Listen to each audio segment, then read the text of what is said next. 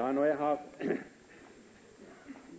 når jeg har drista meg opp nå på den talerstol, så er det, så er det dristig etter alt dette som vi har hørt. Og jeg syns det, det blir i grunnen mer og mer vanskelig for meg å skulle stille, stille meg fram etter hvert som er på disse kursene og hører disse brødrene legger fram av den overfloden som vi har i Kristus. For da, da, da syns en det blir så lite. Men jeg tenkte på det, og det ble godt for meg når jeg satt her og hørte. Og det er det at um, Gud han er så overflødig når han gir. Og derfor øser han over oss. Nå i formiddag har vi hatt to timer som har gått i samme tråd. Og denne timen skal jo gå akkurat i samme tråd. Og da kan det være det at det kan sitte en i salen som har hørt de vidunderlige sannheter, og kan ha hørt så du kunne ha hørt det løst og fri. Men så er det ikke sikkert du har fått tak i det. Men hvis du hører det fra en annen kjeft Fra en annen kjeft så kan det hende det kan gå inn i din sjel. Og Det er så merkelig med oss mennesker. Du kan ha sittet og, og hørt evangeliet forkynt. Har ikke skjedd noe, men så plutselig er det en nådegave som Gud setter fram, som forkynner ord. Kanskje akkurat det samme, han sier det på en litt annen måte, og så går det rett inn. Ja. Og Nå skulle jeg ønske at det var noen som kunne bli hjulpet i sin nød. Og Er det noen som sitter her inne nå i dag og har det vanskelig, be om at Jesus må få åpenbare sin herlighet for deg.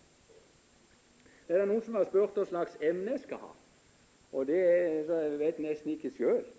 Men, men, jeg tenkte også å si litt om den nådige Gud, og det er i grunnen det det har gått igjen her hele tida.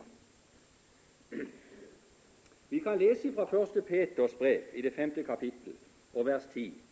Men all nådes Gud, som kalte dere til sin evige herlighet i Kristus Jesus, efter en kort tids lidelse, han skal dyktiggjøre, stadfeste, styrke og grunnfeste eder. Ham tilhører makten i all evighet. Amen. Når det gjelder den evige Gud, så har han mange navn og mange titler. Og um, alle disse navn og alle disse titler som han har, det er bare med å vise hvilken veldig Gud vi har. For det står nemlig det i Skriften at himlers himmel kan ikke romme Han. Langt mindre et navn. Derfor man har mange navn for å vise hvem han egentlig er. Vi har bl.a. det mange navn som han har. Han er kalt allskapningsgud.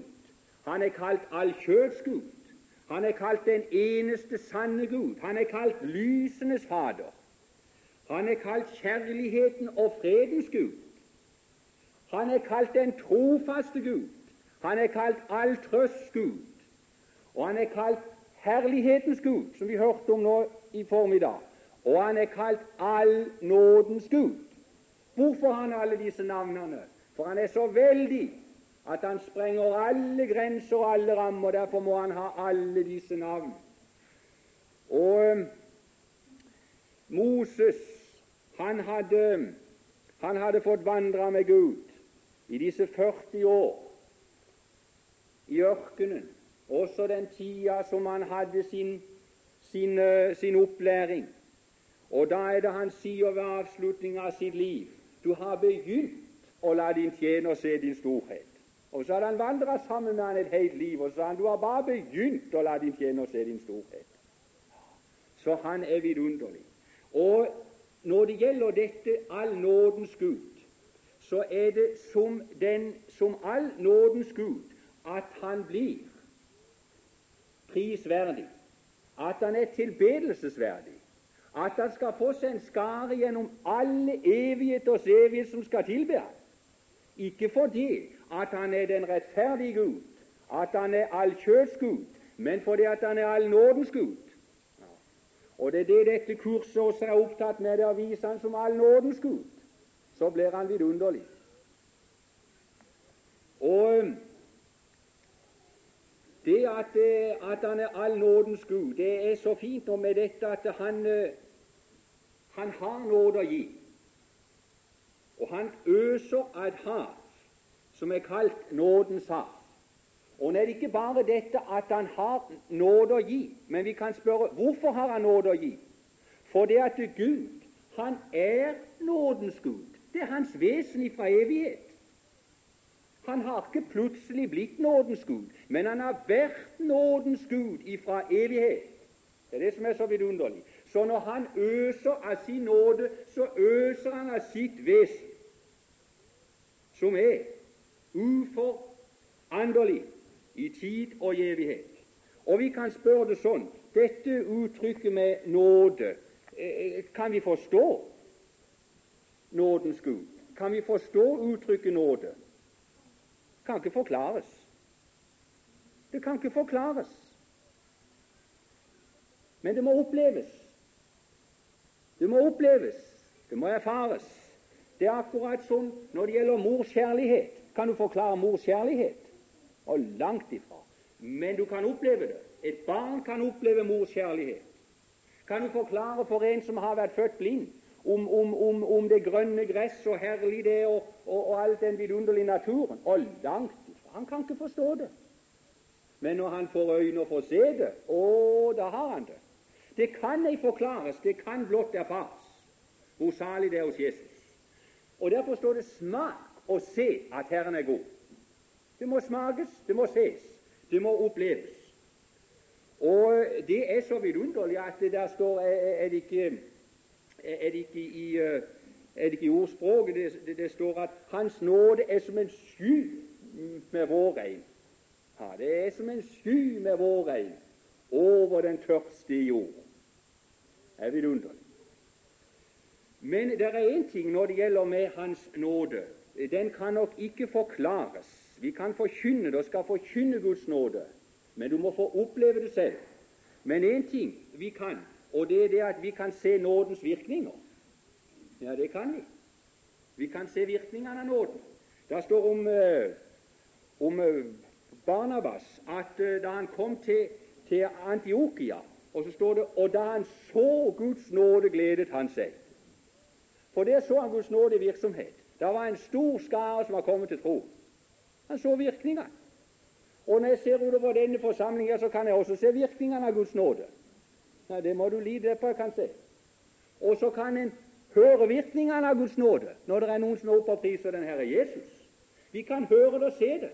Vi kan se mennesker bli forvandla. De blir nye skapninger. Nåden kan ses, men den kan oppleves, den kan erfares. Og Når det gjelder dette med Guds nåde, så har Gud som jeg nevnte, han har vært nådig ifra evighet av. Og Derfor er det ikke slik at Gud plutselig er begynt å bli nådig nå. Men Gud var nådig helt ifra Adams tid. Så har Gud handla med slekten i nåde. Han handla med Adam i nåde. Og han handla under patriarktida, så handla han i nåde. Og under lovens tid så handla Gud også i nåde. Det er noen som tror at Gud handla bare i lov. Det er langt ifra. Hvis han hadde, hadde bare handla med det i lov, så hadde han slått de ned. Så hadde de vært dødsens alle sammen. Men han handla med de i nåde og lov. Det er det som er så vidunderlig.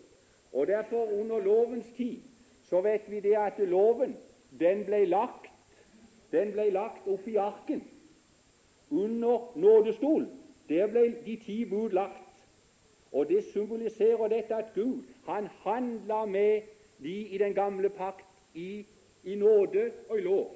Men i den tid som vi lever i dag, så handler han ikke med oss i lov eller i nåde og lov. Han handler med oss bare i nåde.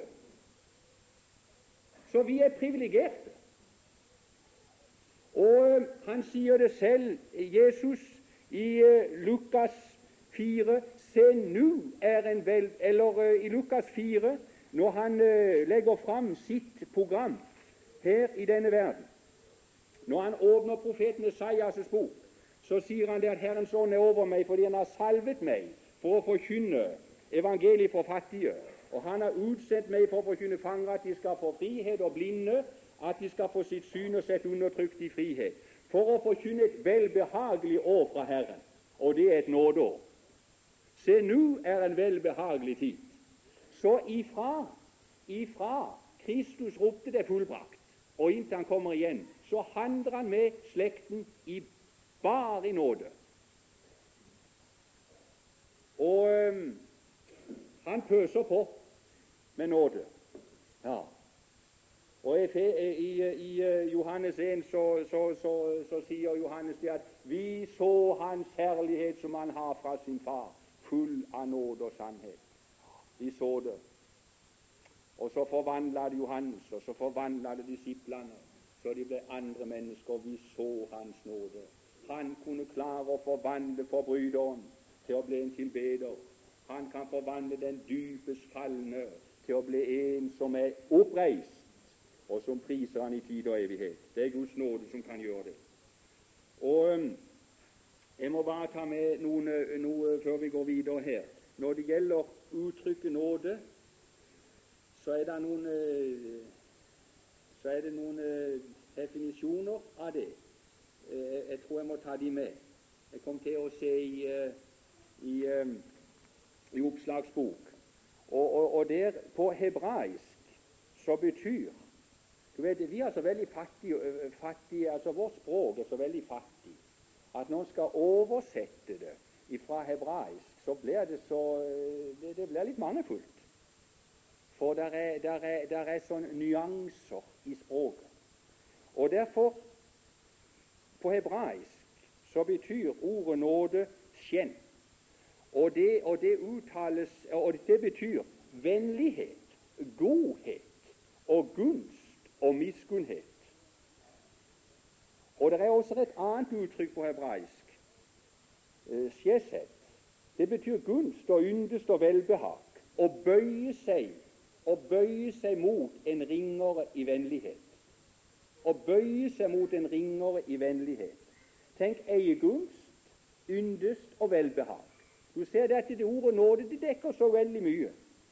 Og på gresk charis det betyr Guds nåde i sinnelag, velbehag, yndest velvilje, yndest bevis. Og dette uttrykket nåde det står sto der der 155 ganger i Nytestamentet og 100 ganger hos Paulus. Og det uttrykket, det nåde, det skaper glede. Så har du på latin. så tar du på latin. Gratia. Det betyr Guds sinnelag overfor syndom. Så har du uttrykket gratis. Det betyr uten betaling. Det er noe du får uten betaling. Og så er det et annet uttrykk pardon. Benådning for dødsdømte. Tilgivelse. Forlatelse. Og så er det noe som heter grasiale pengebeløp utenom lønn som gunst. Og så er det et annet uttrykk gratifikasjon. Godt, godtgjørelse for utført tjeneste. Så kan, når det gjelder uttrykket nåde, så rommer det så uendelig mye. Og Derfor er det som det står i uh, 1. Peter 4,10. Der er det tale om Guds mangehånde nåde. Mangehånde. Og det vi skal stanse litt ved nå, det er dette som vi leste. All nådens Gud, som kalte det. Dette som vi har stansa litt om nå i formiddag, la oss nå gå over til det, og så stanse litt ved, ved dette den nådige Gud, åssen han kaller oss synderen. Og um, Det er et uttrykk som heter 'det i mørket er alle katter grå'. Det er rart det. Når det er mørkt, så kan du ikke se forskjell på kattene. Enten de er svarte eller grå eller spraglete, så, så, så er det likt. I mørket så er alle katter grå. Men når lyset kommer, så skjer det noe at da kan du skilne fargene. Da kan du skilne de fra hverandre. Da kan du se det klart. Og jeg skal si det en ting, at når det gjelder oss mennesker, når vi lever i det naturlige mørket som ufrelste, så ser du ikke nådens herlighet, og du ser ikke nådens Gud.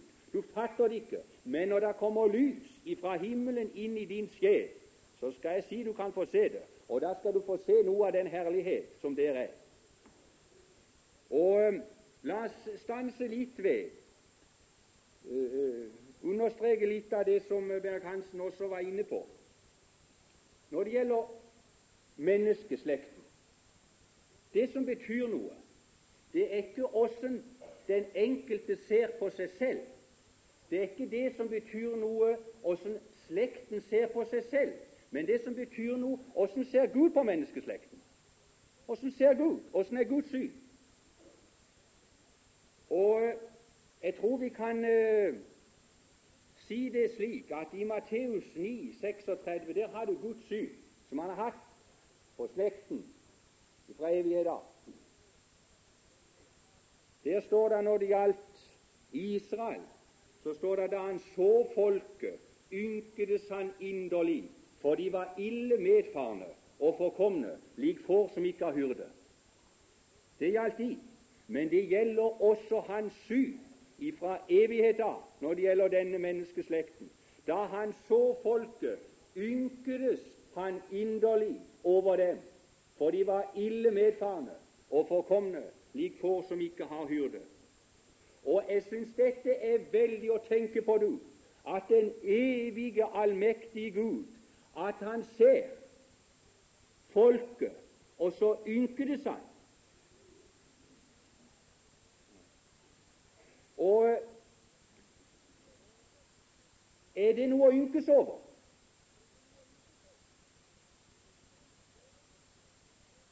Er det noe hos oss som skulle være grunnlag til at han skulle ynkes over oss?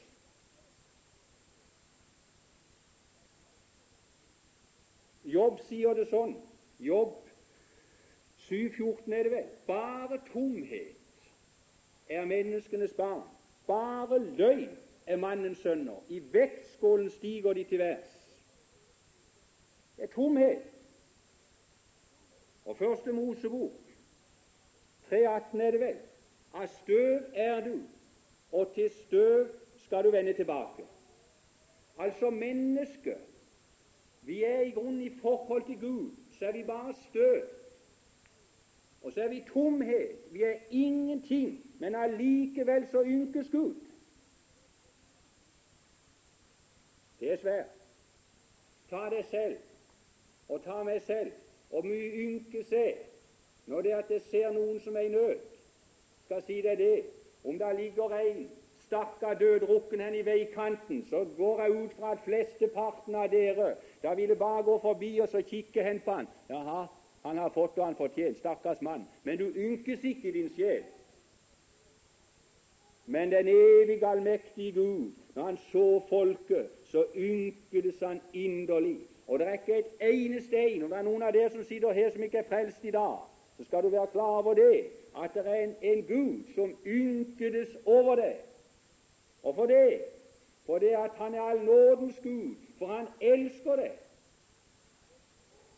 Og eh, når det står at de var forkomne, de var medfarne og forkomne, og når det gjelder menneskeslekten sett ifra Guds åsyn, så skal jeg si de er ille medfarne og forkomne. Vi lever i dag i en blødende verden på avgrunnens rand. Og jeg skal si det at de er forkomne. Og forkommen er egentlig menneske i dag, uten Gud. Der står det i Efeserbrevet 4,18 formørket i sin tanke.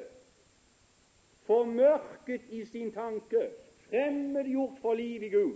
Det er det naturlige menneskestilling. Det er veldig svært. Og han formørka tanke. Så jeg tenker mørkt jeg kan ikke se Gud og kan ikke kjenne Gud, for min tanke er formørka. Og Arnold han leste også det ifra Anne Korintiobrev, når det står at denne verdens Gud har forblindet de vantro sin, for at ikke lyset fra evangeliet skal skinne for dem. Derfor er menneskets tanker om Gud det er mørke tanker, det er ikke lyse tanker. Og det er feil tanker om Gud. Det er mørke tanker. Sånn er vi. Og Kolossenserbrevet 1.21, der står det også noe om hvor forkommen vi er. Der står det det vi var fremmede og fiender. Og det er veldig svært å tenke på det at menneskeslekten fremmed, det er en fremmed for Gud, en fremling, og det er en fiende av Gud ved, ved deres sinnelag i de onde gjerninger. Kolossenserbrevet 1.21. Det er menneskeslekten. Og du kan også ta Titus 3.3, som også taler litt om åssen mennesket er. Tenke på en formørka tanke, en fiende av Gud,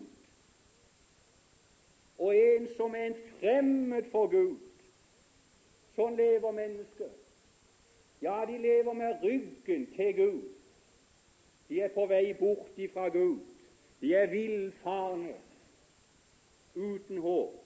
Og nå skal du høre en ting. Når, det, når han sier det at de var ille medfarende og forkomne lik får som ikke har hyrde, så er det slik at i Østerland at det er et får som er kommet vekk fra flokken som ikke har hyrde, det er dødsdømt. Det er dødsdømt. Der er ingen redning for det. For det er villdyr som vil rive de stykker. Det kan ikke klare seg på egen hånd. Og hør, min venn, en som er borti fra den Herre Jesus, borti fra Gud, han er dødsdømt. Han er dødsdømt. Han er fortapt i seg sjøl. Det er ikke redning for han i den tilstand han går i. Og det er veldig svært. Så lever vi i en verden i dag, og så ser den evige Gud over denne verden, og så ynkedes han inderlig, for de er ille vedfarne og forkomne få som ikke har hyrde. Så kan menneskene bo her også. Vi snakket her at de var folk her på øya var vanskelig å få det inn under ordets hørelse. Så kan de sitte i de fine husene her, og så kan de ha alt i orden. Men allikevel, bak de fine fasadene, så er de ille så er de forkomne og ille medfarende, for de har ingen hyrde, de har ingen håp for evigheten. For seilasen ingen sikker havn. Men det som er så velsigna, eller som eh, Jeg må ta med det òg, som er veldig alvorlig. Hva er årsaken til alt dette? Årsaken er synden. Og synd betyr egentlig å forfeile målet. Det er fordi at mennesket har syndet. Det har forfeila målet. Det er løsreven ifra Gud. Det er løsreven ifra livet. Og Jeg vet ikke om jeg skal ta, ta, ta tid til å gå videre inn på det, men når det gjelder dette med synden, så er synden noe forferdelig. For uh, vi, kan, uh, vi, kan, se i, i, i første i, i uh, 1. Johannes 3,4 Der står det noe. Vær den som gjør synd. Vær den som gjør synd. Han gjør òg lovbrudd, og synd er lovbrudd. I Romerbrevet 5 skal ta med det òg. Romerbrevet 5 og, og vers 13. Romerbrevet 5, 13. Der sier han Vel var det synd i verden før loven, men synden tilregnes ikke hvor det ingen lov er. Det var synd i verden før loven ble gitt. Men synden tilregnes ikke der ingen lov er. Og Derfor sier han her i 1. Johannes 3,4 Den for hver den som gjør synd, han gjør òg lovbrudd. Om ikke det hadde vært noe lov, så gjorde mennesket synd da òg. Adam gjorde synd når han løsrev seg ifra Gud ved å gå sin egen vei. Han gjorde synd, men synd er òg lovbrudd. Det er tillegg. Og Derfor er det klart at et menneske som har gjort synd, og det har også jo i tillegg gjort lovbrudd, det er ferdig. Det er ingen redning. Fortapt. Og Vi kunne ta med andre ting også, men la oss stanse med det. Og Det som er det sværeste det er for et menneske, det er det at det har også en natur, sånn at det er naturlig for et menneske å synde. Men det som er stort her, det er det at Gud, han greip inn. Gud greip inn. Og eh, han grep inn ifra evighet. Og det som er så stort, er det at når Gud Gud, hadde, Gud har ordna opp med synden. Gud har, Det er ikke bare sånn at Gud ynkes. Jeg synes det var så fint jeg hørte fortalt om en, en, en, en mann over i Amerika. Dette her må være mange år siden. For det er ikke sånn nå. Men han drev hestetransport. Og så var det en dag Han, var, han hadde ikke så mye å fare med, den mannen, men så en dag så, så stupa hesten hans òg rett i gata. Og da er det det at folket de kom rundt der, og så så de han sto der med hesten sin. Og han, han sto der og var fortvila, for det var hans eneste utkomme. Og når folket sto omkring der, så samla de seg mer og mer. Så sto de og sa 'Stakkars mann, nå har han mista nå har han mista levebrødet sitt, nå har han mista sitt utkomme'. Da var det en mann som sto og hørte på dette. Han fant ei kasse, og så gikk han opp på den kassa, og så ropte han ut. Dere som står omkring her, der sier at det ynkes over denne mannen. Men hvor mye ynkes der? Hvor mye ynk, ynk, ynk, ynkes der? Nå tar jeg denne hatten, og så legger jeg den her på gata, sa han. Og nå, nå vil den hatten vise hvor mye der ynkes. For du ynker ikke mer enn du legger i den hatten. Og da skjedde noe, at folk de begynte å gi og ga sine sedler oppi den hatten. De ynkes i forhold til det de ga. Og den evige, allmektige Gud, det er ikke bare det at han ynkes i ditt hjerte, men han ynkes så mye at han ga. Og for det, for å redde den fortapte verden. Og Derfor er det det som der står så fint i Esaias. Han ynkes så mye at han ga sin egen sønn, og lot sin egen sønn bli nagla fast til forbannelsens tre. Han er såret for våre overtredelser, knust for våre misgjerninger, og straffen den ble lagt på ham for at vi skulle ha fred.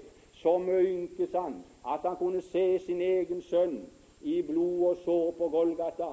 Han ynket så mye over det at han kunne tåle oss å se at han ble spytta på, at han ble nagla fast til forbannelsens tre. Han kunne ynke så mye at når han hørte sønnen ropte 'Min Gud, min Gud, hvorfor har du forlatt meg?' så trakk han seg vekk på tross av det nødrop han hørte ifra han som hang, forlatt av mennesker og forlatt av Gud. Så mye ynkes han. Så han ga. Å, det er fint når det står Gud i Kristus forlikte verden med seg selv, så han ikke tilregner dem deres overtredelse, og han nedlagt i oss ord om forlikelse. Men hør nå her, hør nå her, venner. Det er ikke nok, dette. Nå er frelsesverket det er ferdig. Synden er sonet, og gjelden er betalt. Og Gud har vist at han elsker denne menneskeslekt. Men hvorfor blir ikke folk frelst? Hvorfor kommer de ikke? Det er noen som sier det at du må komme til Jesus. Og det er riktig nok. Men det er ikke et eneste menneske i denne verden som kommer til ham av seg selv. Og langt ifra. Men du er så fortapt at du kan ikke komme til ham. Men det er han som kommer til deg. Det er det som er det velsigna. Han kommer til deg. Å, fint det at han kommer. Men det som er dessverre med mennesket, når, Je når Jesus ved Den hellige ånd kommer og kaller på et menneske, så gjør mennesket akkurat sånn som Adam gjorde. Han flykta, og så skjulte han seg. Kledde seg i disse bladene av treet, prøvde å skjule seg for Gud. Og um, er det ikke det i grunnen et mange mennesker gjør når det er at Gud begynner å kalle på et menneske? Så, uh, så begynner de å skjule seg. Noen skjuler seg i dyder, akkurat som Paulus gjorde. Han hadde kledd seg i, i, i sine dyder. Og han strevde etter å tekkes Gud i sine dyder. Og det er mange i dag som regner med det at ja, nå, nå, nå har jeg altså, nå har jeg altså bøyd meg. Og nå ber jeg til Gud, og nå leser jeg min bibel, og nå går jeg i kirka, nå gir jeg til misjonen. Jeg skal si deg det at de har mye dyder å sette opp, så det må vel være bra med meg. Og andre som skal prøve å skjule seg, de kan ikke skjule seg bak trærne. For det at det treet de har skjult seg bak, er så grissent at du kan se nakenhetsskammen stikker fram. En alkoholiker, f.eks. Han kan ikke skjule seg så mye, han. For nakenhetsskammen, den stikker fram. Å, det stikker fram. Det er så lite han kan skjule seg, men han prøver å skjule seg og si ja, eh, de kristne er så dårlige. Det er så mye galt med de kristne, men uh, Nei, det gjør jeg iallfall så godt jeg kan. Ikke sant? Nakenheten stikker seg fram, og mange prøver å skjule seg bak, bak løve i hagen. Men, Og det er iallfall sikkert at det er ingen som søker Gud, enn ikke én søker Gud. De, de, de, de, prøver å skjule seg og flykte. Og mange får oppleve, når det gjelder synden sitt liv i synd, så får de oppleve en kaostilværelse. Akkurat som den forlorne sønn. Han fikk oppleve det at han, han levde livet i det fremmede land og tjente synd så lenge at det ble kaos i hans indre. Han kom helt på bånn og jeg har jobba nå sammen med disse karene som har opplevd kaosopplevelsen i synden. Jeg vet ikke om det er noen som har fått oppleve det, Herren. Kan hende det sitter noen av dere som er frelst. Det var en dag du, du, du, du, opplevde det at ditt liv det var en kaos her inne. Det ble galt alt sammen. Men det som er det vidunderlige, det er det at når Jesus virkelig kommer og kaller på mennesker, du fornemmer hans nærhet, så skjer det noe forunderlig. Og det er det at da kan du ikke skjule det lenger. Da kan du ikke skjule det lenger. Og langt ifra. For når Jesus kommer ned, så skjer det dette at du, at din nakenhet, skam, den blir åpenbar, og du får se det at all din rettferdighet det er som et urent klesbånd, og du får se det at alt det du har, det er egentlig bare synd og urenhet. Det blir noe i ditt indre som gjør at å, det er forferdelig dette livet jeg lever. Det blir en lengsel i ditt indre etter noe annet. Og det er for den evige, allmektige Gud i sin nåde har bøyd seg mot en ringere i vennlighet. Og vet du det står i Johannes? Johannes sier det. Den time er nå da de døde skal høre Guds, Guds sønns. Kan en død en høre? Et menneske som er dødt, kan det høre? Ja. Kan en som er død, høre? Da kommer en dag når de som ligger i gravene og har gått opp i forrådelse, når de òg, når Gud skal tale, kommer ut, så er Han så veldig at da skal de høre, og så skal de komme ut. Men i dag lever i den tid da de åndelig døde, de som ikke har, som er formørket i sin tanke, og som er døde i synder og overtredelser, når de får høre Guds sønns stemme, når han kaller på dem. Og det er vidunderlig. Og det er vidunderlig å legge merke til det at Gud han holder på å kalle også på synder i dag. Og, og hvis ikke det er Han kaller, så er det ikke redning for en eneste en her inne. Nå, nå er det så gildt nede hos oss nå i, i, uh, oppe i Iveland. Det har vi opplevd nå i hele vinter en vekkelse. De to evangelistene som har stått der, de begynte lenge før jul, og de holder på enda.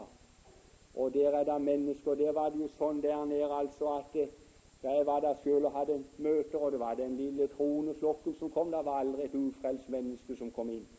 Og jeg, jeg, jeg regnet med det at tida var så langt kommet nå at de store vekkelsene får vi aldri oppleve igjen.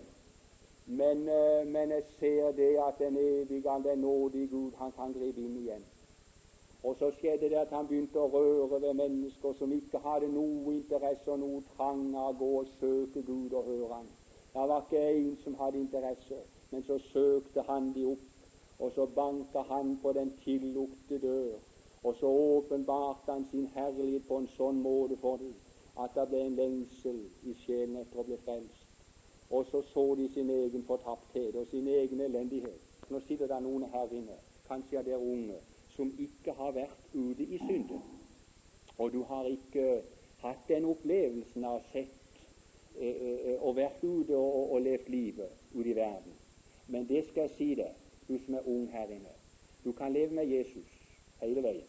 Men det kommer gjerne en periode i, i, i ungdomslivet når du går over fra dette å være barn til å bli voksen. Det kan spenne seg fra tiårsalderen opp til 16-17-årsalderen iallfall. Og da i den overgangsperioden da skjer det noe. Og det er gjerne dette at da blir du klar over, du fornemmer hans nærhet på en sånn måte at du får sett at du er en synder, at du er uren, at, din, at ditt liv det svarer ikke. Og da er det dette at han kaller på det også på en sånn måte at du, du kan gå over fra et ubevisst liv til et bevisst liv med Gud. Vi legger merke til når Herren kalte mennesker fordum. Det kunne være, så var det forskjellig. Det var Lydia. Hun ble kalt på sin måte. Det var fangevokteren i Filippi. Da skjedde et forferdelig jordskjelv. Men det var, det, var, det var, ikke sånn bestandig når folk ble frelst. Da måtte forferdelig jordskjelv til. Men, men Lydia hun hørt det. Fangevokteren ble det et jordskjelv med. Timoteus han ser ut som han var med helt fra barnsben av. Og Paulus han måtte ha et møte med Jesus på Damaskus vei. Men det var Herren som grep inn og kalte. Og Nå må jeg bare ta med det. Jeg må komme videre her. Tida går jo ifra oss.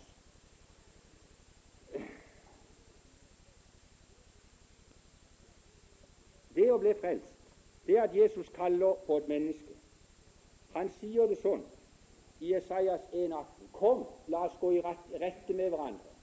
Om eder synder er som purpur, de skal bli hvite som sne. Om de er som skarlagen, de skal bli som den hvite ull. Kom, la oss gå i rette med hverandre, sier Herren. Når Herren kaller et menneske, så ønsker han å gå i rette med synderen. Å gå i rette. Han ønsker å rette til. Jeg lurer på om ikke det står sånn på svensk. Å rette til. Han ønsker å rette det til, så det blir riktig. Og når Gud kommer og kaller på et menneske, så kommer han med miskunnhet. Han som, eh, Da står det at han kommer oss i møte med miskunnhet. Med miskunnhet for å rette til. Han kommer ikke for å ødelegge, men han kommer for å rette til. Og eh, da er det, er det svært at når Gud kommer for å rette til, så er det ikke Han gjør det ikke på grunn av noe hos deg sjøl. Og du kan ikke gjøre deg fortjent til Guds nåde. Du kan ikke gjøre deg fortjent til Guds nåde. Det var ei kvinne hun kom til Napoleon og ba om, eh, og ba om nåde for sin sønn, som var dødsdømt. Og Da er det det at eh, Napoleon han sier det at denne mannen han har gjort seg skyldig i en forbrytelse, så er, vi, vi kan, eh, han må få det han har fortjent. Han må få det han har fortjent. Da er det den uh, mor. Hun ser opp på Napoleon, og så sier hun det at Jeg ber kun om nåde, sa hun, for min sønn. Jeg ber ikke om rettferdighet, men jeg ber om nåde. For nåden kan en ikke gjøre seg fortjent til, ellers er det ikke nåde. For nåde er noe som vi får uforskyldt gratis. Og da er det Napoleon han ser ned på den mor, så sier han det skal bli som du ønsker. Din sønn skal få nåde, han skal bli benådet. Han skal bli frikjent. Så fikk han nåde. Når Gud vil skjenke deg noe, så er det bare pure, blank nåde at Han har bøyd seg til oss, og at Han vil skjenke det syndens forlatelse at han vil rette til, ordne opp. Det er bare pure blank nåde. Og nåde gjør du det altså aldri fortjent til, men det er uforskyldt. Det er gratis. Og Esaias 43 må ta med det.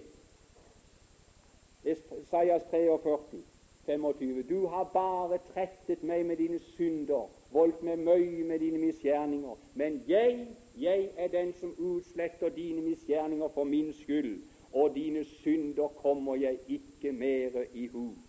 Å, og velsigna dette er du.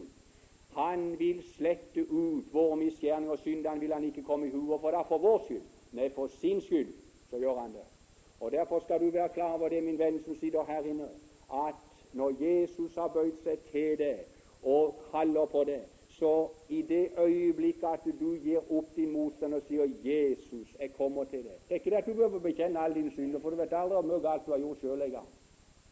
Og langt ifra. Og det er noen som snakker om at vi skal overgi oss 100 Å, du kjære tid. Ja, Da var det ikke mange som ble frelst. Du skulle overgi seg 100 Ingen som overgir seg 100 For etter du har bøyd deg, så har du enda kjød i deg, og så må du skal si deg det at du kjenner det at det er noe som ikke har bøyd seg. Men det som egentlig skjer når et menneske overgir seg til Gud, det er det at du gir det i Guds hender. Du gjør det. Du legger det i Guds hender. Og da skjer i det øyeblikk du oppgir din motstand, så legger du det i Guds hender, og da bekjenner du at du er en synder. Og da renser han det. Da tilgir han deg din synd. Da gir han deg nåde. Og det er ikke bare det at han tilgir deg din synd, så den blir sletta ut, så den blir kasta bak hans rygg for evig og alltid. Både fortidssynden og det du er i dag, det er slettet ut. og det kommer han aldri mer i hu. Men han tar det også opp i sin familie som sitt barn. Han gir det evig liv. Og det er vidunderlig. Han gir oss synderens forlatelse, og så gir han oss evig liv. Det samme liv som er i Gud. Et liv gjennom eier som aldri kan dø. Jeg skal si det, det han har bøyd seg til oss i nåde, og bøyd seg til oss som var dypt der nede, og løfta oss så høyt som det går an å løfte noen. Vi er satt med ham i himmelen i Kristus Jesus. Efeserbrevet 2,9. Nå skal jeg slutte. At nåde er i frelst ved tro, og det er ikke av oss selv. Det er Guds gave. Ja. Av nåde er i frelst ved tro, og satt oss med ham i himmelen i Kristus Jesus. Den nådige Gud har grepet inn vi priser Ham for det. Herre Jesus, vi takker deg for det du har minnet oss om igjen. Og jeg takker deg, Herre, for du er mulighet der for å være oss i dag. Takk for det at vi kan forvente det, at du fremdeles skal bøye deg til synderen og kalle på det og bli. La det lykkes, Herre, at våre kan bli med. La det lykkes, Herre Jesus, at bygda igjen her kan bli berørt av din ånd og vi ber om at nye skapninger skal bli født. Vi priser deg for det for vår